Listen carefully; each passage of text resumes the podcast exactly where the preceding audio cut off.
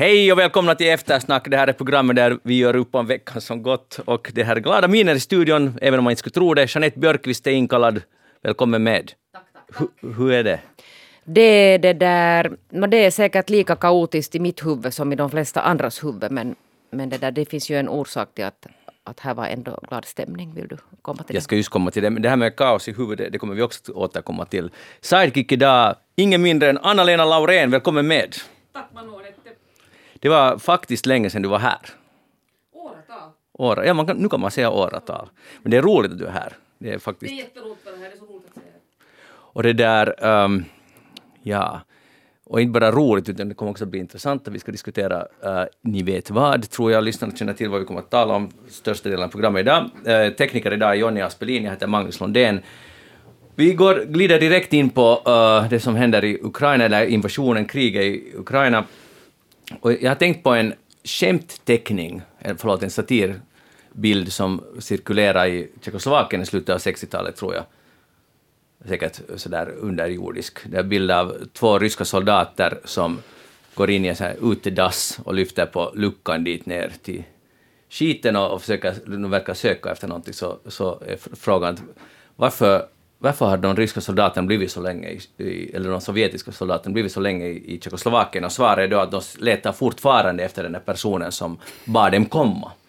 Och den här skämttekniken kunde man bra väl publicera igen i år, fast det bara har gått några, eller en vecka ungefär. Tyvärr jo. Och jag tänkte, jag tänkte senast idag på att, att på sätt och vis så, så det här hemska kriget som pågår nu, så det är ju egentligen en fortsättning av, av Sovjetunionens fall. Man var ju så glad då efter Sovjetunionens fall att det gick, det gick tämligen oblodigt till då. Men, men det här är fortsättningen. Alltså det är liksom att Ryssland inte kan acceptera att Ukraina är en självständig stat. Det är, ju- det är ju det som det handlar om. Eh, vi tar gärna emot lyssnarfrågor till Anna-Lena eh, här direkt in. Anna-Lena är ju korrespondent för DN och HBL i Ryssland, Nu är du i Finland, som, alltså live här i Böle. Och på Facebook.com-eftersnack eh, kan man ställa frågor och Jeanette har lovat kolla in läget. Vi har fått in många, många frågor än, så vi ska försöka bena igenom dem här under tiden. Men grundfrågan, just det som du talar om, våren av att vara en före detta stormakt, och också att vara en stormakt, är tung. Men skulle du kunna förklara för oss som inte förstår, om du kan, att tror Ryssland på riktigt att man kan sprida det ryska glädjebudskapet så att säga med pansarvagnar och, och artilleri? Att är det, vad, är, vad inbillar sig de ryska generalerna, eller Putin i det här fallet? det är främst Putin. Och han inbillar sig, jag tror inte att han, att han liksom längre bryr sig om... Alltså hans prioritet är ju framförallt det här att han anser att Ukraina tillhör Ryssland. Alltså han betraktar Ukraina som han betraktar Sankt Petersburg. Och, och det hör till Ryssland, punkt slut. Och vad människorna där tycker så bryr han sig ju inte om överhuvudtaget. Men, men jag tror att han också troligen att hans syn på människan är ju, är ju liksom väldigt oerhört hierarkiskt och jag tror att han uppfattar det som att, att de här ukrainarna har liksom blivit lurade av sina ledare. Deras ledare har sålt sig till väst. Och, och nu ska de rätta sig i ledet och det ukrainska folket kommer nog att förstå sen att de har bara- blivit lurade. Alltså det, det, för för oss låter det här, det är jättesvårt för oss att förstå för det låter ju helt absurt. Det är ju ett, ett fritt land och människorna där har själva upprepade gånger själva gått ut på gatan och bevisat att de vill tillhöra väst. Men, men liksom Putin och den här mentaliteten som han representerar så där finns aldrig liksom den enskilda människans vilja har ingen betydelse. Och det är därför han tror, när man säger i Ryssland då att, att de har gått ut på gatan och demonstrerat för väst. Och det är många som säger ja, de fick betalt av väst. Alltså det finns en sån utgångspunkt i att det är väst som hela tiden har lurat Ukraina. Samma med NATO, att det är NATO som hela tiden lurar andra länder att gå med i NATO. Att de är fullständigt oförmögna, den här falangen då, att se saken ur den andra synvinkeln, att det, eller inte det finns ingen andra synvinkel här. Det är ju ett faktum att det, det, att det är Ukraina själv som vill tillhöra väst. Majoriteten av folket vill gå med i EU. Och, och samma när det gäller NATO-utvidgningen så hade det faktiskt varit de här ländernas demokratiskt valda parlament och regeringar som beslutar. Det, det är inte NATO som har gått där och, med hoven och bett dem komma in. Tror du att Putin, det är förstås ingen kan veta, eller i alla fall inte vi, vad exakt han, exakt han tänker, men tror du att han faktiskt personligen ser sig som någon sorts befriare Ja. av... Att han är helt, när han sluter ögonen och går till sömns så ser han sig som en, när han vet du, börjar drömma och tänka, så ser han sig som en räddare av Ukraina. Eller räddar han, Han ser sig som sitt eget sitt av Ryssland. Han ser sig som- en räddare av det ryska imperiet. Och i hans, sinnevärld, i hans tankevärld så är Ukraina en del av det ryska imperiet. Och folk kommer nog att förstå senare. Men, men liksom folket, det, det, det, det har ju absolut ingen betydelse vad folket tycker. Mm. För honom är det ju bara... Det liksom, han är ju så van vid att kunna manipulera och att få människor att tro vad de vill. Alltså, det, det, det är ett tankefel som ledarna i Kreml ofta gör, att de tror att bara för att de själva har lyckats ganska långt med att manipulera folk och, och liksom ha, ha den här väldigt starka propagandan i TV så gör att en stor del av ryssarna, alltså verkligen inte alla, men en stor del av ryssarna går ju på, på den här propagandan. Eller om, om inte de går på den så, så där passivt tänker de att det kan vara åt det hållet eller, eller framförallt tänker de att alla ljuger. Och då så låter de det vara. Han tror att alla andra fungerar på samma sätt. Och, och det är det som, det, är det som gör att vi har svårt att förstå det här, för vi tror på något sätt också. Och jag trodde, och jag borde ha vetat bättre, för jag har ändå bott länge i Ryssland och bevakat det. Men jag var helt säker på att Putin inte kommer att invadera Ukraina på, en, på bred skala. Det blir ingen fullskalig invasion. För att jag visste att majoriteten av ryssarna kommer inte att acceptera det. Alltså, även om vi inte nu ser några stora gatuprotester, vi har ju gatuprotester men de är inte jättestora, så är det helt klart att liksom den här allmänna stämningen är ju helt mot det här. Ingen vill att det ska vara krig i Ukraina. Och jag var helt säker på att det, något så dumt gör han inte, att han går emot sitt eget folk. Men jag hade helt fel, vilket beror på att jag ändå, fast jag borde ha vetat bättre, så tänkte jag att han på något sätt ändå resonerar ungefär som jag själv. Men det gör han ju inte. Men inte var du ju den enda experten, som, eller den som är insatt, som, som trodde så här. Det var ju många som tänkte ju så här att Ryssland har ingenting att vinna på det här. Och ukrainarna själva sa ju det. Jag hade ju varit mycket i Ukraina före kriget började. Och det var ju det som alla sa att det blir ingen invasion. Det var liksom, de tyckte det var helt fånigt. Men vad månne det här nu alltså handlar om? Förlåt Magnus om jag hoppar in här nu och du hade några planerade sådana här frågor. Men, men va, varför alltså? Jag menar vad är det som har hänt? Alltså man talar ju om att, att har han tappat alltså besinningen helt och hållet.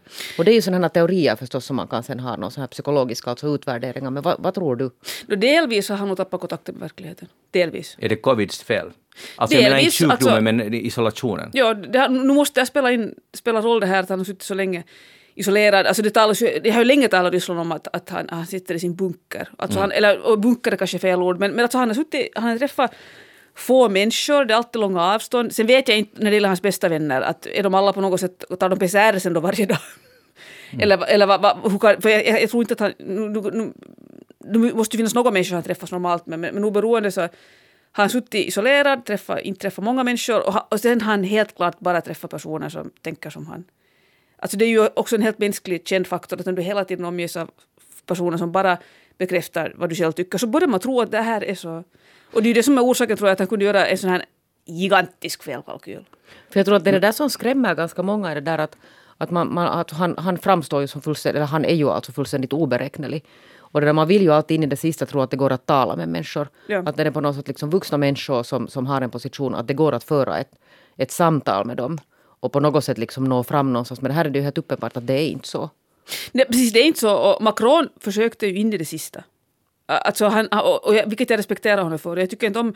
Han har blivit gjort till åtlöje av vissa nu som påstår att han, liksom, att han gjorde sig till åtlöje, att han, han borde ha förstått att det var meningslöst och han, han liksom, att Putin bara gjorde narr av honom. Men, men det är inte sant. Macron försökte stoppa den här katastrofen. Försökte- Och alla som försökte stoppa den här katastrofen, jag tycker de ska ha all heder. Men blev han ändå inte duperad på det sättet att allt var egentligen bestämt? Vad, vad tror du om det? Att det, här, att det var bara en, liksom en kuliss? De här, alltså inte från Macrons sida, jag menar inte alls på det Nej. sättet, utan från eh, Putins sida.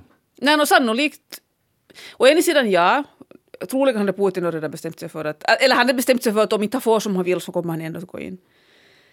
Men å andra sidan så ska vi komma ihåg att det som många säger nu i Ryssland, många som ändå vet mera, så att allt tyder på att det var ytterst få personer i Kreml som kände till hela att det verkligen fanns, alltså förstås förstod de att det finns en plan, det finns en plan för allt, det finns en plan för att invadera Finland, helt säkert också.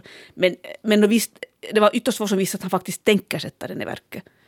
Och, och det tyder ju också på, alltså Putin invaderade då en torsdag och, och föregående måndag hade han det här mötet med det så kallade säkerhetsrådet där de alla tvingades upp som skolbarn och ställa sig po- podiet och säga att de stöder att det här utbrytarrepublikerna Donetsk och Luhansk erkänns som självständiga. Och det var ju helt klart att de var inte förberedda. Alltså man såg det på deras ansikten. Ja. De är också människor. Att, det var liksom en, Sergej Narishkin som chef för det spiona, spionage utomlands, så han stammade ju, han, gjorde, han, han stammade flera gånger och sa, sa fel, helt fel, och Putin gjorde narr av honom. Ja.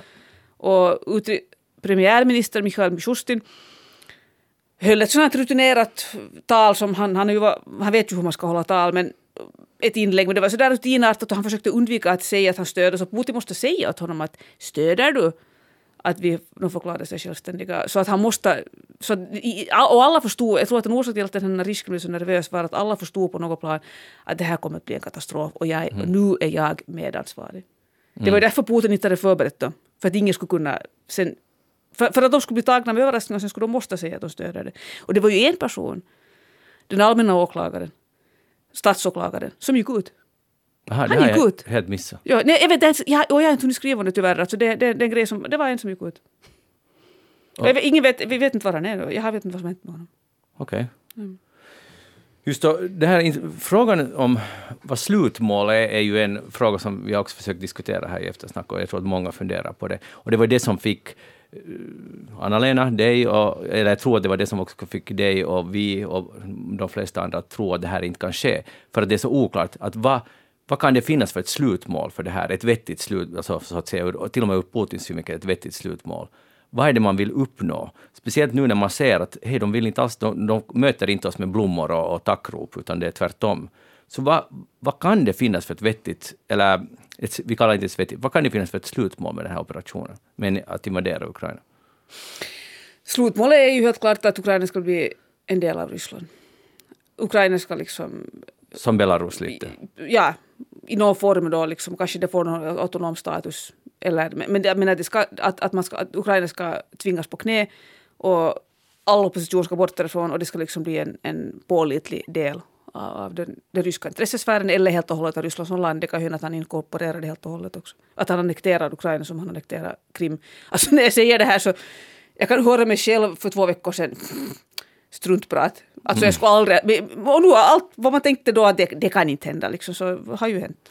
Men är det så att Putin är ju sån att han vill ju alltid liksom sprida kaos och, och förvåning omkring sig? Är det här ytterligare, liksom, det här riktigt liksom mästerdraget så att säga?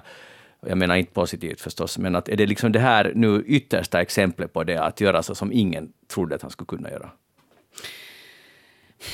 I det här fallet så tror jag inte att målet var att överraska.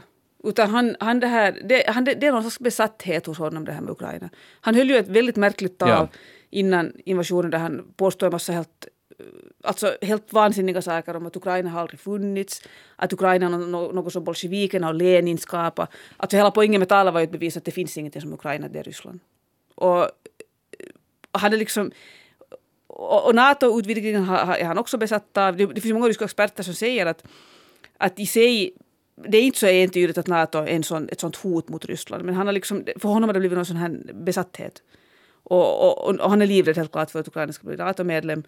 Och han har ju sagt flera gånger innan han invaderade att, att vi tänker inte bli lurade som vi blev lurade på 90-talet när, när Nato lovade att man skulle inte röra sig en centimeter mot, mot oss.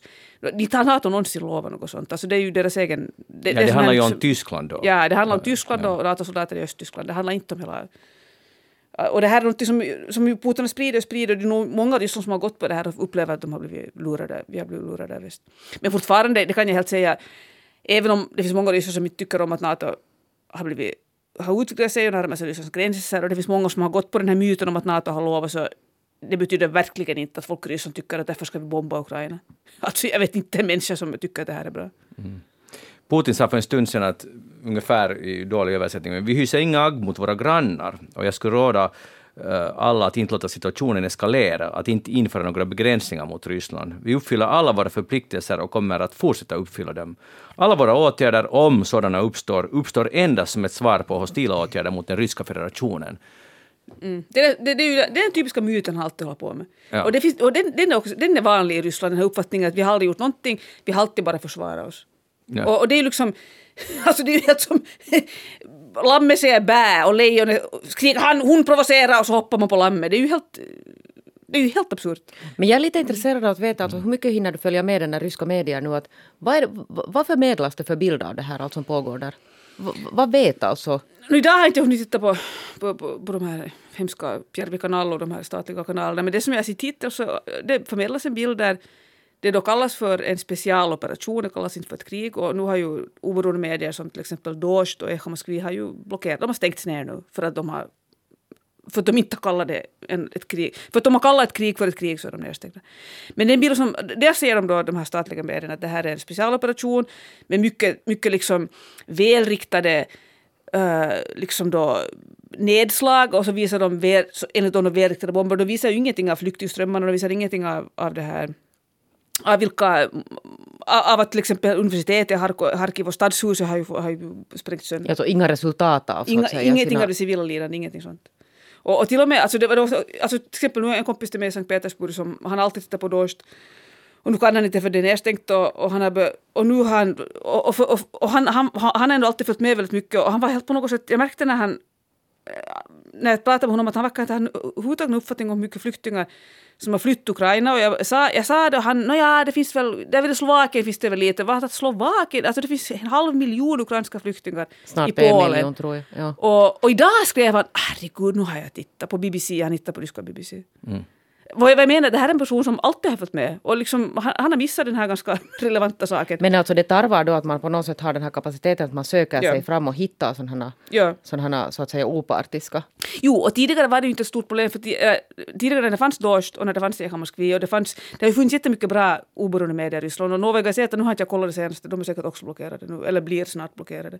Men tidigare fanns det väldigt mycket, det var, det var ju lätt att hitta, det var faktiskt inte svårt att hitta oberoende information. Men nu sen, från och med igår ungefär, och de så måste man faktiskt leta. Och är det inte också i praktiken så att alla, eller de flesta sociala medier börjar vara blockerade, alltså de här Twitter och, och Facebook, jag vet inte hur stora de är där, men i alla fall. Och BBC är delvis blockerat, läste jag någonstans.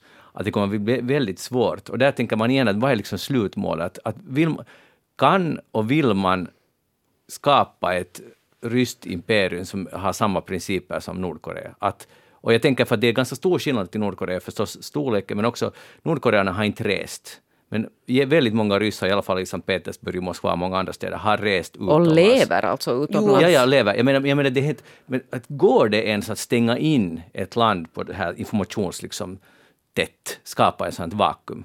vad, vad tror ni? Alltså,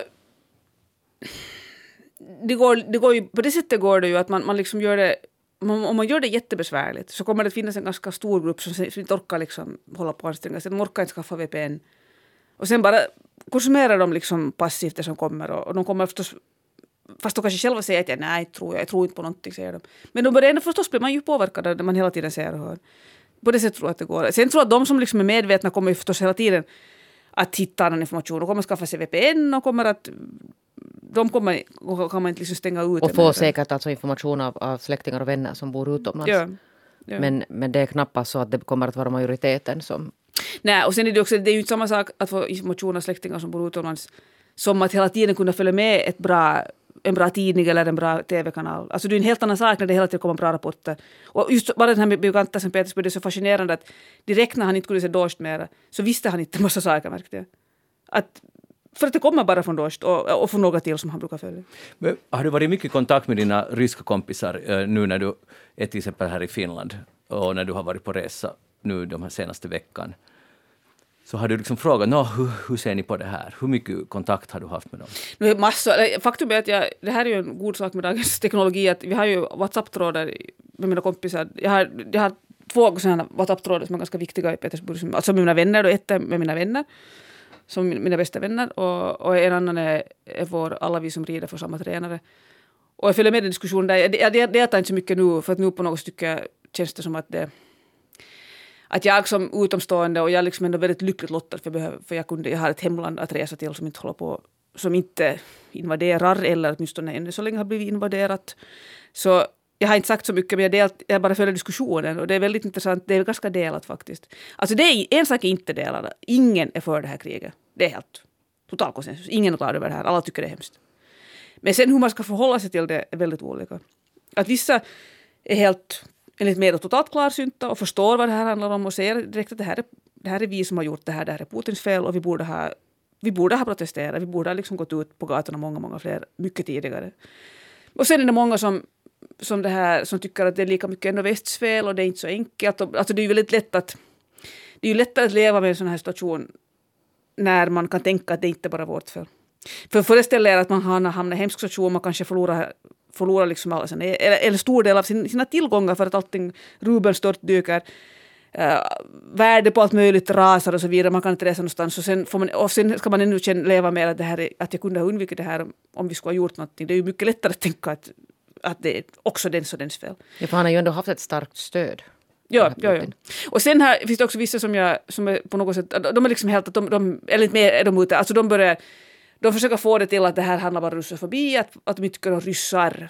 Och det är också ett lätt sätt att liksom slippa ta ansvar. Mm. Det är ju någonting som Putin gärna utnyttjar, det att, att russofobin, att det finns hela världen, alla är emot oss. Och ibland kan man ju bli ganska matt på det här martyrskapet. Mm. Inte bara det här utan också det här att han ska sen träda in alltså och rädda ryska medborgare i andra länder, som andra länder far illa framme. Det finns modeller från historien mm. där det har gjorts. Men, men att det där, är det, finns den, råda, är det här en rådande uppfattning bland de du känner att, att omvärlden hatar oss? Oss som ryssar? Det, har, det finns, jag säger så här, det har alltid funnits en sån uppfattning som vissa uppfattar att det är en sanning och andra inte i dagens situation så är det förstås, har den uppfattningen blivit jättestark. Mm. Och, och där är det vissa som anser att, det, att det, vi har förtjänat det här.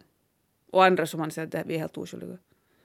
Att det också, alltså det, nu låter det som något ena sidan och andra sidan, men det, det som är intressant är att det går inte att säga att utbildade människor tycker att, vi har, att Putin har fel och outbildade tycker att Putin har rätt. Det är inte alls så. Utan, alltså det, det har ingenting med utbildning, eller mycket lite med utbildning att göra, social klass. Det har inte så mycket att göra med det. Vad har det, vad har det att göra med det? Jag har försökt förstå det här. Varför är det så att till exempel min ridlärare är liksom helt på det klara med vems fel det här är? Och den enda nu i vår WhatsApp-tråd som liksom säger att alla där nu att det här är hemskt och alla, alla, varför alla är elaka mot ryssar och han skriver vi har nog själva hit, åstadkommit det här. Han är den enda som säger det. Och han är ju äldre. Alltså, det finns ju också en uppfattning i, i väst och Finland att, att den äldre generationen på något sätt liksom är sovjetisk. Men det är inte alls behöver inte alls vara så. Det finns många mm. äldre personer som tvärtom, eftersom de har levt i Sovjet, så förstår de direkt att det här är lögn och det här är sanning. Medan mm. andra tvärtom har också levt i Sovjet och drar helt andra slutsatser. Jag tänker bara det där att om det skulle hända liksom den dagen de hade försökt hacka in sig på den här ryska staten, eller kanske de till och med lyckades, de här, Anonymous. de här vithattarna. Men att om, om man liksom på något sätt skulle få få ut den här alltså faktiska informationen om vad där pågår i Ukraina så har jag nog svårt att säga att, att, att hur, hur, kan man liksom bortförklara det här. Det har ingenting alltså med väst att göra. Det, det, det, finns liksom inga bortförklaringar sen mera när man visar sönderbombade alltså hus, döda civila, barn som har alltså mist livet.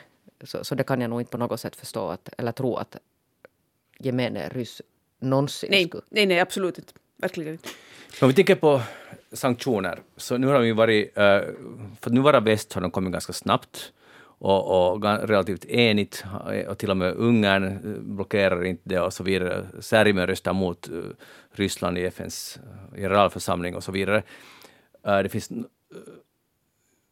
hur, hur de här sanktionerna kommer drabba vanliga ryssar är ju nu som du nämnde, rubeln skjuter det ytterligare liksom värre än vad de har varit i de här tidigare rubelkriserna som ju också har helt format det ryska samhället. Liksom att man kan inte lita på sina egna besparingar, i alla fall inte om de är i rubel och så vidare. Så hur, alltså jag förstår att du inte kan veta det här, men det, det är det man är nyfiken på. Att hur reagerar man som ryss på sådana här sanktioner? Och det förstås finns inte ett entydigt svar, men är det just så här som du säger att jo, det här är vårt eget fel eller förbannade väst och nu blir de ännu mera, sluter upp bakom sin ledare? Då, om jag tänker på de reaktioner jag har hört så någonting i det här, det här var vårt eget fel. Jag till och med, en kompis sa att en kompis fann det nästan lättare för han är så arg på Putin, han är så arg på det systemet så han sa att bring it on. Att förstöra allt. Han valde att snälla, mera sanktioner, mera, mera bara, så att hela systemet äntligen, att allt ska rasa samman och kollapsa. Att vad som helst bara vi slipper det här. Att han, han, var, han på riktigt, det, liksom, det var nästan lite hemskt. Och, och sen visste de som Alltså jag, jag, skulle inte säga, jag har, jag har nog inte hört en enda reaktion som säger att, att, att eftersom, eftersom sanktionerna, eftersom väst är mot oss så nu ska vi vara för Putin. Det ser jag inte människor, all, ingen tycker om Putin längre. Men däremot så, så blir det så här att, att vi har inte gjort något fel, att, att om vi ska straffa så här, varför ska vi straffa så här? Vi har inte gjort något fel. Varför är folk emot oss? Varför är väst Att det blir sådana martyrskap. Och, ja. och det har ju mycket att göra med att det martyrskapet som du nämnde så, så är ju en sån här känd, alltså det är, liksom, det är jättevanligt i Ryssland att, att man har den här att vi har alltid fått lida, vi har alltid kämpat för väst och vi får ingen tacksamhet och de bara lurar oss. Det finns färdigt liksom en sån roll som många liksom, tar, nu tar många den här offermanteln. ja, sen om inte man har den här förklaringen till att varifrån kommer allt det här plötsligt. Att man liksom inte har den här helhetsbilden av vad det är som pågår i Ukraina. Ja, men det som är intressant är att på något plan, det är det som jag har tänkt, jag tycker ofta när jag hör dem prata, att egentligen vet de. Man har, de har ju nog en helhetsbild. Det är bara det det är så svårt. Det är samma med andra världskriget. Så många har ju jättesvårt i Ryssland att erkänna att man faktiskt ockuperade de baltiska länderna. Att man faktiskt liksom äh, gjorde, man var inte bara en hjälte utan att man ockuperade länder, man för Finland och så vidare.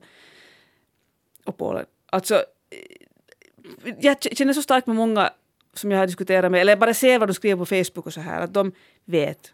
De förstår, de vet vad som pågår och de vet att det här är vi som gör det. Och det är det som, och det, är det som gör att de blir så här på något sätt. Att, och, och det tror jag lite har att göra med att det inte finns någon alltså det finns ingen vana i det ryska samhället av att liksom självkritik. Alltså kritik mot sitt eget samhälle. Alltså den här, den här inställningen också med att, att vi har aldrig anfallit någon att vi har alltid bara försvarat oss. Det, det kommer ju sig ifrån det här att man har blivit lärt från början att Ryssland kan aldrig göra fel. Vi gör mm. aldrig fel. Men kan man inte skaka av sig också det här att man på något sätt separerar sig från den här makten? Så liksom att, att, att nu håller Putin på så här men vi är ju inte på något sätt No, de som gör, ja, men det är intressant jag tycker att de som människor som separerar sig själva så skäms ju ändå. Att det tycks gå hand i hand liksom med den förmågan tycks gå hand i hand med också en förmåga att inse att vad, vad är det som egentligen pågår. Eller liksom inse, de flesta inser men att erkänna det. Erkänna det för sig själv. Men det är intressant för det är ganska typiskt just för stormakt. Därför tycker jag att alla borde jobba emot att ett eget land inte ska bli en stormakt. För det kommer på något sätt på köpet det här att man inte kan göra fel. Och se till att man har oberoende medier. No, ja, förstås. Men om vi mm. tänker på Tyskland efter andra världskriget så antingen tvingades eller gick igenom en frivillig sån här process att vad ställde vi riktigt till med? Mm, och man exakt. kan kritisera det på många sätt, men att hur det gjordes. Men det gjordes, typ i motsats till Österrike, gjorde de det mycket grundligare i, i Tyskland och haft en sån här diskussion. Men nu har vi ju i Finland också ibland svårt. Inbördeskriget tog hundra år förrän vi kunde bearbeta det riktigt ordentligt. Så känns det i alla fall. Men, men i Ryssland, som du säger, så det finns väl inte något... Och, jag menar, hur, hur, hurdant är ett land som förbjuder Memorial, som just ja. funderar på att vad gjordes fel under Stalin och, och senare. Och så förbjuder man det istället för att låta mm. dem verka. Det är väldigt talande. Väldigt ja. talande. Och det just, jag tänkt ofta på det här med Tyskland, just det här fina tyska ordet för Gangenheitsbewältigung. Mm. Det är ju någonting som, som ryssarna inte förstår. Vad det, eller ryssarna, nu ska jag inte tala om ryssarna som ett kollektiv, många förstår. Men, men liksom som ett samhälle finns det ingen förståelse för det. Tyvärr. Alltså det finns ingen kollektiv förståelse för att vi borde, vi borde gå igenom det allt ont vi har gjort. Att vi borde liksom diskutera det här för att, för att det hela inte ska upprepas. Och, och jag, ofta när man diskuterar det så kan jag kan säga att jag förstår inte, okej, okay, jag kan förstå att det eller jag kan på något plan inte förstå det, men det är lättare ändå att förstå att man inte vill erkänna brott mot andra nationer. Det är ju fel. Men, det kan, men, men, men de har ju, till exempel Stalin mördade ju ryssar, han mördade ju er, han mördade ju era förfäder, dina förfäder. Mm. Varför accepterar du det också? Och människor har aldrig riktigt något svar, men ofta, jag har ju fått höra flera gånger i Ryssland, men så här har det varit överallt. nej, nej, alla länder har inte haft en Stalin. Liksom, alla har inte haft Gulag. Men, men, det, men, men det, det, varje gång man kommer till det här, och jag vill ännu en gång poängtera att det här gäller verkligen inte alla, det finns många som är jättekritiska. Men det finns en stor grupp som, som varje gång när man kommer in på de här, det blir en sån här underlig gröt liksom. Att de, de börjar prata om andra saker, de, de får det till något annat och det är liksom allt, och alla lika goda kålsupare. Det utmynnar alltid i att alla är lika goda kålsupare. Alla samhällen har haft det här. Vi är inte något annorlunda. Det är mm. väldigt liksom, och det, men, det, men det bara bevisar, alltså det här med, det finns vissa saker som jag tänkt ofta på som på något sätt människor måste lära sig för de är inte alls något roliga. En sak som inte alls är roligt be om förlåt. Att gå tillbaka och tänka på vad man har gjort, det är inte alls något roligt det är ju ganska, jag tycker det finns en orsak till att det är så starkt till exempel i många religioner att det här med att man ska bikta sig. Det är ju, liksom- det är ju något man lär sig. Det är, inte något, att det är något som man, det är ju inlärt beteende. Det är ju samma som att hur man ska bete sig mot andra människor. Att, man, att, att, att vara artig och så vidare, det, det, vet vi alla som har barn. Att man måste lära dem att vara artig. Inte kommer det av sig självt. Allt det här är liksom inlärt beteende. Och när det gäller just att betrakta sitt eget förflutna så är det ju ett inlärt beteende hos fria demokratiska samhällen. Man har, man har liksom insett att det är bättre att, att vi är kritiska och självkritiska. Men, men Ryssland har aldrig kommit så långt.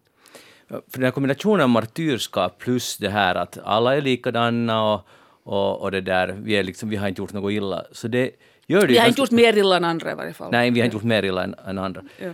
Och inte vilja liksom diskutera det. Så det gör ju det ganska svårt, för den här kombinationen av martyrskap plus det här, hur kommer man åt det? Om det skulle vara en, låt säga att det allt skulle vara en enda människa, förstår ni att en sån människa skulle man inte kunna riktigt umgås med, som aldrig har gjort fel, eller i alla fall inte mer fel än annan, och alltid är ett offer. Det är ju egentligen vidrigt.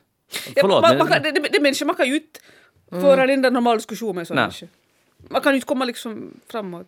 Men jag sitter och tänker på liksom den här att, att, att, att är det liksom ur det folket sen som Putin ska störtas? Jag menar, Mm. hu, hu, vad är liksom på något sätt nästa steg vidare från det här? Ja, och det, vänta. Men där vill jag också komma.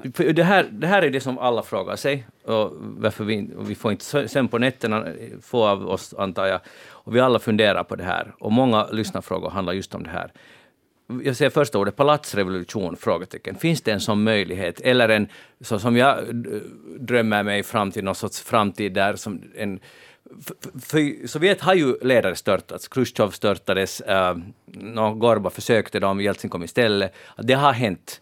Eh, skulle det kunna hända en kombination av palatsrevolution och eh, folkrev- folklig revolution nu, inom en snar framtid? Alltså det skulle, jag tror att det skulle kunna hända. Alltså det, är ju, det är ju kanske inte så sannolikt just nu, eller det beror på vem man talar med just nu. olika experter säger olika saker. Men, men det tycker jag nog stämmer det som vissa har sagt till mig att det är för farligt, att just nu är det jättefarligt och alla de som är nära Putin, ingen har ju, ingen har ju väst att flyt, eller andra länder att flyt, de är alla bundna av sanktioner nu. Och de är liksom bundna, fastbundna vid Putin och, och de är helt beroende av honom. Och samtidigt så är det ju helt klart att, att alla det finns många i Kreml som inte tycker att det här är bra alls. Och, och alla de här korrupta tjänstemännen som Putin och korrupta ministrarna och liksom korrupta affärsmännen som Putin omger sig med som nu ser sina jakter beslagtas och sina tillgångar beslagtas. De har ju stulit pengar i 20 år och fått ut det till väst och nu, nu står de där och det, det, det var en professor, Andrei Subo, som sa till mig att du måste förstå Anna-Lena, det är bara vanliga tjuvar. De vill leva flott på sitt byte och nu har de blivit av med sitt byte. Att det är klart att det blir en Men hur reagerar de då, när de blivit av med sitt byte? No, enligt honom då, den här Andrei Suov, så kommer det att bli en palatskupp. Medan andra experter säger att, att, att nej, nej, nej, att det är för farligt. Att det där är önsketänkande. Att, Ja, och det är väl faktum att det är ju klart att det är farligt. Vad menar ni med farligt? farligt Att man för- mister livet om man försöker... ja, i dagens situation jag är ganska säker på att, att, man, att det kan liksom bli att, att, att dödsstraffet, troligen så är dödsstraffet snart... Ryssland har ju ett moratorium på dödsstraff. Ja. Men det kommer de säkert att lyfta snart. Jag kan, jag kan mycket väl tänka mig att det, att det är resultatet. Jag ska bara säga en sak när, när, när vi talar om det här med... När, när, liksom, när, när jag talar om den här oviljan till Vergangenheitsbewältigung så det gäller ju ändå inte alla människor. Och tyvärr, tyvärr är det minoritet som, det, som är, verkligen förstår att det behövs. Men, men det är jätteviktigt när, när vi sa det här att hur ska ett, ett sånt folk någonsin kunna störta Putin. Alltså, jag, jag, jag- på något sätt, när jag tänker på de modiga människor, jag träffar så mycket modiga människor som är mycket modigare än någon man träffar i sitt eget land för att vi har, vi, ingen av oss riskerar som de riskerar. De är ändå väldigt många. Så känner jag en enorm respekt och, för dem och liksom jag verkligen respekterar dem och, och hedrar dem. Och det, och det är så otroligt ledsamt att de ska vara, att de fortfarande tyvärr är för ensamma. De, jag tycker inte att de är få, men de är absolut inte tillräckligt Men alltså man måste bara fråga sig, alla de här som säger att varför går inte ryssarna ut på gatan? Nu har jag också tänkt sådana tankar. Så man måste fråga sig, skulle ni gå ut på gatan när ni vet att ni kommer att bli misshandlade? Alltså är det, ja, jag går gärna ut och blir misshandlad för den goda sakens skull. Och hellre är det så här att jag, är emot Putin men jag tänker det för mig själv. Alltså det, det är ganska Jo, mänskligt. Det är helt mänskligt. Det som ju är, det är helt mänskligt och jag förstår det. Och det, det, det är ju inte heller bara att man misshandlar, man kan bli av med jobbet, ens barn kan bli av med jobbet, om man har småbarn kan man bli fråntagen sina barn. Eh, ens eh, föräldrar kan bli av med jobbet. Alltså det, det kan liksom, det, det är på många olika plan som, som man kan få livet förstört. Men, men det som, det som jag ändå har tänkt många gånger och det som nog en kompis till mig sa också faktiskt är att det fanns ju en tid i Ryssland från 2011 när det faktiskt gick att demonstrera utan att få stryk. Sen fick man stryk, sen blev det lite, lite lättare igen. Det har gått fram och tillbaka. Men om, medan det var möjligt, om det inte skulle... Jag menar, som mest var det 100 000 människor. Den största demonstrationen i Moskva, det var i slutet av 2011 mot valfusk. Jag tror det var 100 000 människor ungefär. Och det är ju fantastiskt. Men skulle det då ha varit 10 miljoner? Mm. I hela, skulle det då ha varit eh, miljoner människor, alltså inte bara i Moskva utan över hela Ryssland. Det har varit demonstrationer över hela Ryssland men det har alltid handlat om högst 100 000 i Moskva och sen förstås det kan vara 20 000 i, i Varones som är en miljonstad och det är inte något lite i sig men, men skulle det vara alla eller skulle det ens vara liksom 40-50 procent så då skulle, man ju, då- skulle Putin aldrig kunna kom, gå så här långt och det har jag tänkt på ganska mycket. Och, och, att, att, det, att det, tyvärr i dagens situation är det så farligt att demonstrera att man kan inte anklaga tycker jag någon, de som inte vågar nu. Men, men det fanns en tid då de kunde ha gjort det och där alla borde ha gjort det. Mm. Men ett samhälle måste ju vara extremt... Alltså, de måste ju vara rädda, de som är i makten. För att för man kan inte... Annars så, det här som det nu har varit mycket snack om här, att man, har arresterat barn till exempel, eller en 87-årig eh, tant förs iväg av kravallpolis och sådana här saker. Att så, så gör bara ett, ett samhälle som håller på att kollapsa eller är i alla fall rädd för att det ska allt kollapsa. För, för man, om man tror på sin egen sak så gör man inte så där. Man, man, Mm. Och det här är ju skillnaden. då behöver man inte. Nej, man, man, behöver inte man, man är inte så rädd då. Man är inte så rädd. Och det här är det som är skillnaden, för, att, för när vi talar om stormakter, så USA har ju också gjort massa saker fel och startat krig. Och, och, men, men det är en skillnad ändå det att, att i Vietnam till exempel, där drog de ut på gatan. Det, visserligen tog det väldigt lång tid eh, att någonting hände, men där kunde man gå ut på gatan utan att bli misshandlad varje gång. Ja, det är en stor skillnad ändå. Alltså det, man, det tycker jag är en jätte, jätteviktig poäng. För det är väldigt många som säger, inte minst i Ryssland, USA gör samma sak. USA har gjort exakt som du sa en massa skitsaker. Alltså förlåt uttrycket. Jag är jättearg på mycket som USA har gjort. Men, men det är en enorm skillnad när det är ett öppet samhälle där man kan demonstrera fritt, där som har en helt fri press. Alltså inte liksom en... Ryssland, allt, jag har alltid protesterat när det sägs att Ryssland inte har någon, något oberoende med för Ryssland har haft modiga, fantastiska oberoende med ända fram tills igår ungefär och de ska ha all heder. Men det var, tyvärr var de få. Att, att det fanns ingen, den här gru, huvudfåran var ju den här statspropagandan. Det är ju en enorm skillnad i en demokrati som, där regeringen helt enkelt är tvungen att liksom räkna med folkopinionen och, människor, och, och, och, och att människor protesterar. Och det gör ju också att Alltså jag har ofta, jag, jag har ju flera ryska vänner som säger att jag går inte på demonstrationer för det löser ingenting. Och jag är helt att det var nu det dummaste jag någonsin har hört. Mm. Det är ju det enda som påverkar, speciellt i den här situationen. Om alla går ut, då löser det. Men det är klart att om du sitter hemma och säger att det löser ingenting, så jag, då löser det ingenting. Men som sagt, helt som vi har konstaterat nu i dagens situation, när man kan få elchocker, man kan hamna i fängelse, man kan blir fråntagen sina barn, så inte kan jag ju anklaga någon som helst inte vill bli fråntagen sina barn. Det är klart jag förstår. Men, men, men det fanns faktiskt en tid där det inte var så. Finns det någon, någon sorts... Vi minns den famösa militärjuntan som försökte störta Gorba och sen blev de störtade av Jeltsin istället. Finns det något sånt pack där som skulle förstå att, alltså rent så här militärtekniskt, eller vad man nu vill kalla det, det är ju en term, term som nu är populär, militärtekniska åtgärder och så vidare. Finns det någon sån grupp, tror du, som skulle kunna se att, som kanske politiskt tror på ett starkt Ryssland, men inser att det här är vansinne, och som inte är några eh, Navalny-vänliga och sådär, men som tycker att nu, nu, nu gick det för långt och nu måste vi, vi måste liksom rädda vad som räddas kan. Alltså, den här, exakt den här tanken har jag faktiskt tänkt också. Och jag är helt säker på att inom militären finns. Alltså jag är helt bombsäker på att det, och, det, det var, och det var ju ett antal officerare, eller officerare, alltså passionerade generaler som redan innan kriget sa att, det här ska, att vi ska inte kriga i Ukraina, att det här är inte en bra idé. Jag är bombsäker på att det finns och jag tror att jag tror bara att de de är säkert ganska rädda nu för att organisera sig. För att, för att alltså de kan ju bli, det kan ju bli nackskott. Mm. Det, det är nu igen på en sån... Alltså, det, det kan bli... Krigs, Ryssland kan införa krigstillstånd och det kan införas... Moratorium på dödsstraffet kan lyftas. Och det kan liksom bli väldigt allvarliga följder. Men, men det är ju helt bombsäkert att, att man många sådana som inte säger liksom västligt tillvända eller oppositionella så här, så de, de ser ju att det här är ju en katastrof. Eller jag skulle säga att alla ser det, nästan alla. Och det, när du säger, alltså vi tycker ju alla, inte bara att det är hemskt och ångestframkallande, vi tycker också att det är en katastrof. Tycker Putin just nu att det här är en katastrof? No, det är ju alltid bara spekulationer, men jag tror... Jag tror inte, eller om, om, om man tycker det så skjuter han det ifrån sig. Alltså jag är inte helt säker på vilka uppgifter han får. Det här är ju sån här...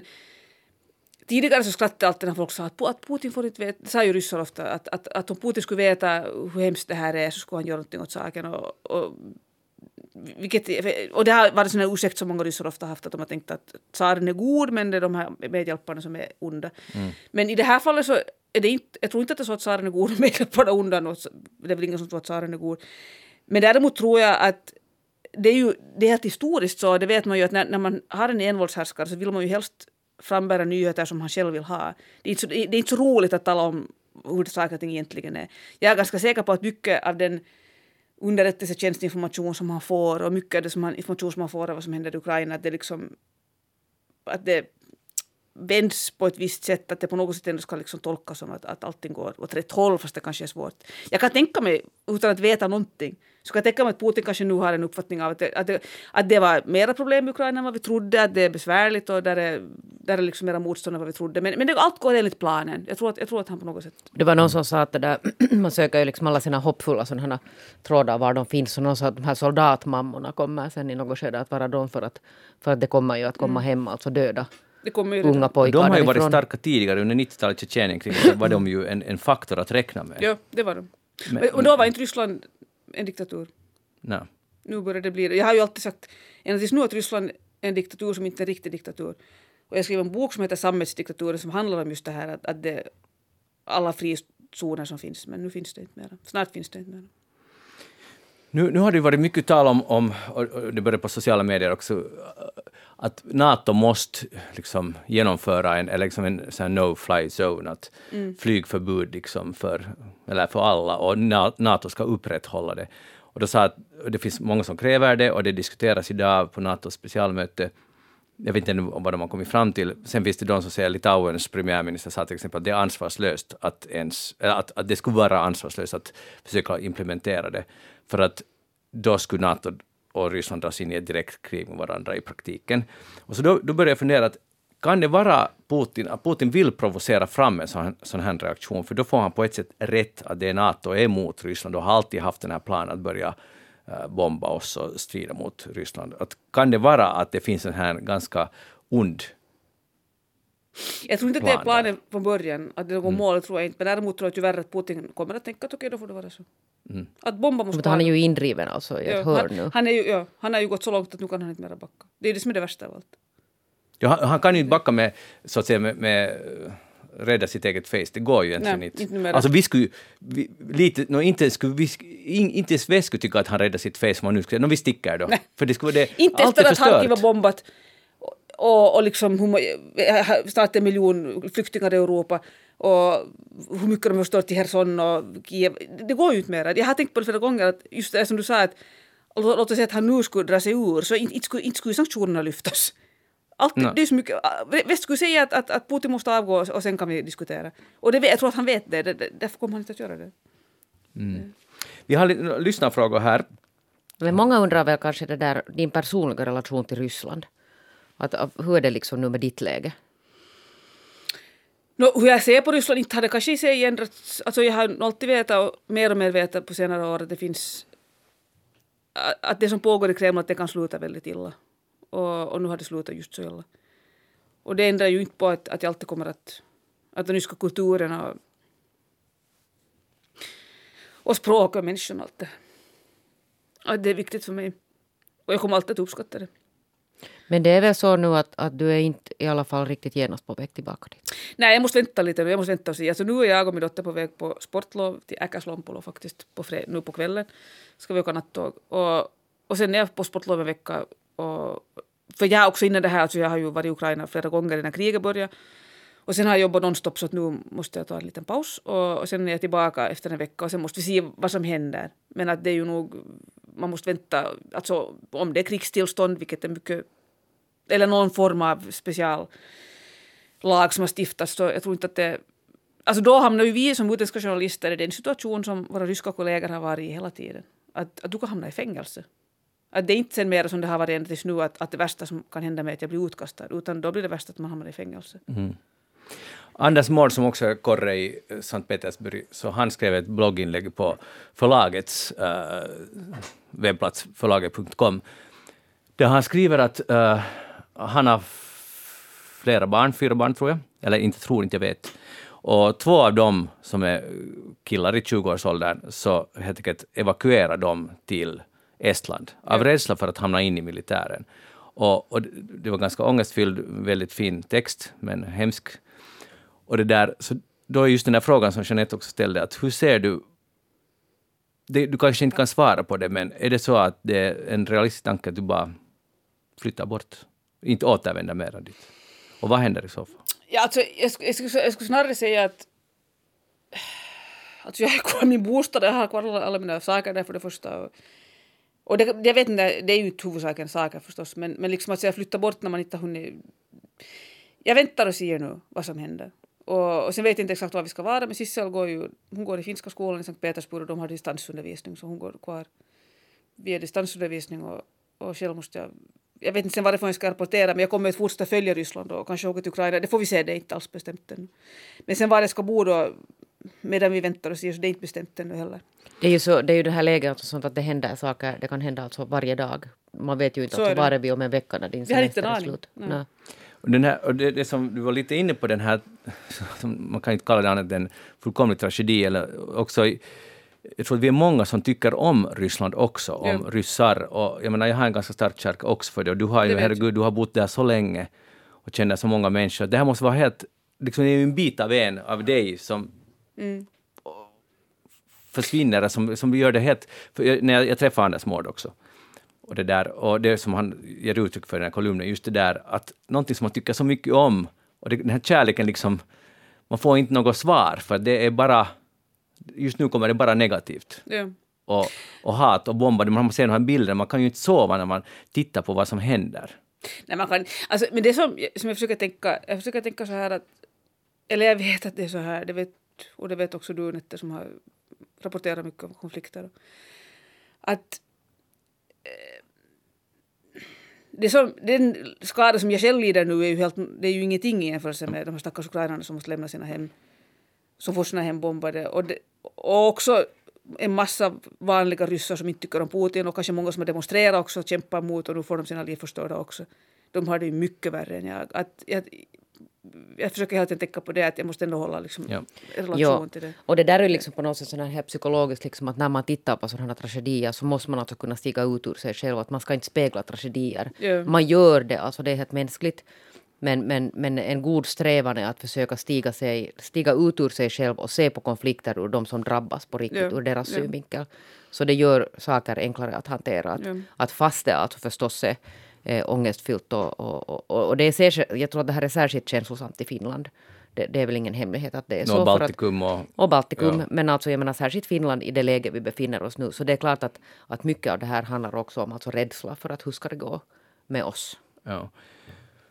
Men jag tror också att det på något sätt handlar om någon form av insikt. Det är en sak som jag har lärt mig med det här bevaka Ryssland och, och kriget i Ukraina och kriget i Georgien och så vidare. Att det är ett faktum i vår värld att det finns ondska. Alltså det finns, och det finns så mycket oskyldiga människor som råkar ut för så mycket hemska saker. Helt utan egen förskyllan. Och, och, och liksom på många olika sätt. Jag tänker till exempel, vi var före, någon vecka före kriget började så var, var jag uppe i Slavutic som ligger ovanför Kiev, det ligger nära Tjernobyl och när Tjernobylkatastrofen skedde 86 så byggde de en ny stad som hette Slavutic och så flyttade alla som hade bott i den här staden Pripyat vid Tjernobyl till Slavutic. Vi var där och pratade med människor där och så kom det en kvinna gående och, som jag började prata med. Jag såg direkt att hon såg kaukasisk ut. Och hon var armeniska från Nagorno-Karabach. Hon var jättesnäll och liksom så här, jag såg att hon gärna ville prata med oss men sen när jag sa att det handlade om kriget så alltså hon blev så skrämd och hon sa att hon, sa, hon bara tog som hjärta och sa att jag kan inte prata om det här, jag, skulle inte vilja, jag vill inte tänka på det här, jag försöker hålla det undan för jag hade redan en gång flytt mitt hem. Jag, vi fick gå att de fick gå hemifrån för de kunde kunna vakna. under, inbördes, ursäkta, under inbördeskriget så fick hon gå det bästa de kunde bära så gick de hela vägen till Stepanakert och hon har aldrig fått åter sig sitt hem, aldrig. Och hon sa då liksom att jag vill inte vara med om det här en gång till. Och, och då tänkte jag för mig själv att men det här, eller jag, jag var så säker på att det kommer hon inte att vara med om. Stackars henne som nu måste uppleva det här men, men förstås. Och nu är nu ryska trupperna ju där nu. Alltså jag kan bara, jag, kan, jag undrar om hon ens lever med Jag kan bara föreställa mig vilket, men hur hon ska känna sig just nu. Och sen tänker jag också på, och det är också det som gör att jag på något sätt ändå försöker se det här ur ett perspektiv. Alla karelska evakuerade som kom hit efter kriget, alla karelare som aldrig mer fick se sina hem och sina gårdar. Alltså min dotters gudfar, han är, han är son till karelare som tvingades fly.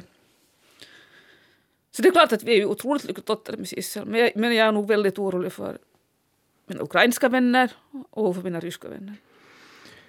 Här finns en uh, lyssnarfråga, och den är kanske inte så lätt att besvara på, men jag vill fråga Anna-Lena, vad är det största vi i väst inte förstår eller har missat om Ryssland? Och hur ska, hur ska man lösa upp den här knuten? Det är ju en... Det finns olika falanger i det här. Det finns en falang som direkt kommer att säga att ni har inte förstått att Putin är ond. Att ni har inte förstått att han gör vad som helst. Och vilket för mig, för mig kanske lite att slå in öppna dörrar. För finns det någonting som västvärlden har varit orolig för de senaste tio åren så är det just det här att Putin kan göra vad som helst. Att nu har det ju diskuterats mycket. Men vi kanske inte har förstått att han verkligen kan göra vad som helst. Åtminstone är jag själv skyldig till att inte ha förstått att han verkligen går så här långt. Att han, eller nej, låt oss säga så här. Jag, jag har inte betvivlat att han inte kan gå långt men jag har alltid tänkt att han gör det liksom ett mål i sikte, att det ska finnas ett slutmål och det här som, som liksom är i hans intresse och det här slutmålet är ju bara, det här är ju bara katastrof det han har gjort nu. Men okej, okay, det har vi kanske inte förstått. Uh, sen när det gäller jag vill inte, det är lite kategoriska frågor att har vi missat om Ryssland. Det, det finns många olika missförstånd om Ryssland. Till exempel, det sa jag redan att vi har trott att ryssarna att Putin har ett stöd för att, för att folk inte vet bättre i Ryssland för det finns ingen annan information. Men det har funnits ända tills nu väldigt bra ryska oberoende medier som man har kunnat följa med helt fritt. På, på nätet mest. På nätet mest, ja. Och, så det gör att, att, liksom att det har funnits, att må, många människor vet, och jag tror, jag tror fortfarande också de här som håller på att försvara, jag tror att det är väldigt mycket en mänsklig reaktion. Jag tror att de egentligen vet vems fel det här är. Mm. En annan lyssnarfråga handlar om det här, det som vi var inne på, eller i alla fall indirekt, den här nya lagen som väl har antagits idag om att det kan vara tre eller fem eller tio eller femton års fängelse om, om man kallar det för ett krig istället för en eh, specialteknisk operation eller vad det nu skulle kallas. Och det här med att munkaveln dras åt allt hårdare, är det här något som kommer att hjälpa eller stjälpa Putin? Och det, förstår, vi förstår att ingen av oss, och inte du heller, kan svara på det här, men vad skulle du tro? Kortsiktigt så, så att säga hjälpa, men håller det? På lång sikt så är det ju bara en del av hela den här katastrofen. Alltså mm. det är ju helt, som du själv konstaterat, om, om man är tvungen att göra något möjligt sånt för att man är så rädd för opposition, så då är man ju egentligen svag från början. Ja. Och alla de här åtgärderna, jag tror inte liksom, alltså de åtgärderna i sig kommer inte att fälla honom heller, det är inte det, utan det är bara ett exempel på hur svår situation han själv har försatt sig i nu och nu försöker han på alla tänkbara sätt liksom bara hålla, kvar, hålla sig kvar vid makten och det, och det, ju, och det kan inte hålla i längden. Men det har inte så mycket med de åtgärderna i sig att göra. Åtgärderna är bara ett symptom på att han, han börjar bli desperat. Jeanette, hur du den här veckan har, jag antar att du har hängt på sociala medier, precis som jag, eller på i nyhets... Inte sociala medier, nej, nej, där vill man inte hänga just nu för att där är ju människor helt galna. Ja, no, men, men det där på riktiga medier. Ja, no, okej, okay, men att, i alla fall eh, läst på så att säga om det som sker. Mm. Hur har du och, det som, och det som man det där tänker att kanske komma skall. Mm som inte är så hälsosamt. Nej, hur har du sovit natt? Hur har du sovit kärnvapenarsenalen. Hur har du sovit natt, Jeanette? No, det där, men alltså, nu är det det goda att jag sover ju alltid dåligt. Aha, så, så det är ingen förändring? Nej, så man kan ju inte veta vad det liksom... Det är liksom det som det brukar vara. Men jag har en klar rekommendation för att jag... I, man måste sluta med det här Ja, alltså. man måste, för ja. jag, jag tillbringar två timmar mellan tolv och två ungefär på Twitter. Nej, det ska du inte. Nej, nej, jag vet jag inte ska. Ja. Men det är ju egentligen jag, nu har jag bestämt att det får, det får inte fortsätta, för det är igen det här som vi talar om. Jag tror att många har det här att det är en plikt, att vi på något sätt för vår empatiska, liksom, jag vet inte vad man ska kalla det, så måste man liksom följa med och titta på de videorna. Och samtidigt så inser man att man, ingenting blir bättre av det, man kan donera pengar, man kan göra andra, andra Ja, och det kan saker. man verkligen göra, donera ja. pengar. Man kan donera till fri rysk media om det går, och man till ukrainsk fri media, och man kan donera till Läkare utan gränser, det finns hur mycket som helst. Så fyrk är ett sätt att tala. Men jag är alltså självkritisk och jag tror att jag är inte den enda som sitter där och hänger och, och, och det gör att man, jag tror att man mentalt blir helt skadad och man gör ingen nytta heller. Mm. Nej, Men sen, Anna, du måste ju vara, är, är du, hur liksom beroende är du själv av det här? Av flödet? Det är ju svårt, för jobbets skull måste jag ju titta hela tiden, alltså under min arbetstid, men sen har jag ju nog sagt, vår, alltså på jobbet har de sagt att ni, får, ni måste sluta, att ni, ni blir tokiga, vi har helt fått order om det. Mm. Och jag har ännu svårt att låta bli för att jag på något sätt tycker att, att det är min plikt att jag borde göra det här. För jag tror att jag ska be din dotter hör du konfiskera dina telefoner ja. när ni åker till Lappland för att du behöver alltså, du och många andra som har jobbat hårt med det här behöver alltså helt stänga av. Och därför skulle jag vilja avsluta med, med någonting positivt. Och det, det, det, det finns alltid den möjligheten i Finland när det är vinter att hoppa på skidorna. Och det är just vad du ska göra, Anna-Lena. Ja. Och det där... Är det så att säga medvetet att nu måste du ha komma bort från allt detta? Eller råkar det sig bara... Det råkar sig. Ja. Alltså det, det här sportlovet var, var inplanerat sen länge tillbaka, att vi ska åka till Äkerslompolo och skida. Mest då liksom terrängskidning. Och, och, det vill, och det visste jag att det kommer jag, det är min, dot, min dotter och det, det visste jag, det ger jag inte upp att det måste vi åka till göra tillsammans för att man, man måste liksom jag tycker det är viktigt också att komma ihåg att, att, att det här kriget är hemskt och det ska bevakas men sen i något skede måste man kunna ta... Måste, men det, det, blir inte något bättre av att jag liksom ger upp. Att jag säger åt, min, åt mitt barn att vi åker inte skidor för jag måste bevaka ett krig. Det, no. Och jag har redan gjort det en månad nästan nonstop så att, att nu blir det en paus. Och, och det alla människor behöver ju, och det här låter på något sätt, jag, jag skäms också samtidigt lite när jag säger det för att i Ukraina finns det nu ingen möjlighet att hoppa på några skidor men samtidigt vet jag ju att de skulle säga troligen att åka skidor. Att, ja. att alla människor vet att det finns det tar inte bort det här att kriget finns i världen, så tar inte, tar inte bort det faktum att det finns bra saker i världen, att vi alla måste liksom ibland kunna koppla bort. Ja, ja, till exempel, du får dit, jag är med i det fantastiska Hyvinge som är också ett vinterparadis där man, man kan skida också? Jo, ja, naturligtvis. Och allt annat. Man kan göra mö allt möjligt i Hyvinge. Så det, jag måste säga att det är ganska hälsosamt och jag tror det är det vettigaste man kan göra. Att fara till exempel till Hyvinge eller Äkärslångbolo eller i alla fall stänga av. Men det betyder inte att man blir likgiltig eller inte bryr sig, så att säga. Det är det här som man måste själv komma underfund med. Men en det som är garanterat inte är lösningen att inte sova och att, att få ångest, för den ångesten kommer inte heller att lösa någonting. Så Jeanette, hoppas du också kommer att ha en trevlig helg. Jo, men jag ska inte skida. Jag ska Nej. skida till teatern. Ska du gå på titta teater? på en klimakteriepjäs av Anna Hultin. Men den är ju humoristisk. Ja, den är jättebra. Så det, det, var, det är en bra lösning. Mm. Kulturen mm. finns alltid där. Också mm. den ryska kulturen. Och det är väldigt vackert väder i alla fall här i södra Finland. Säkert där uppe. I, vi tittade igår att där är fint väder. Det är minus fem lovat och sol. Anna-Lena Laurén, tack så jättemycket att du var här. Jag tack. tror att lyssnarna uppskattar väldigt mycket att få höra dina synpunkter på det här. Och kanske vi kan ha med dig en annan gång när du är i Helsingfors. Gärna. Anna-Lena är DNs och HBLs uh, utsände i Ryssland och nu har hon varit här och berättat hur det förhåller sig. Jag heter Magnus Lundén. Eftersnacket tillbaka i en vecka. Vi hoppas i bättre stämning då. Hej då!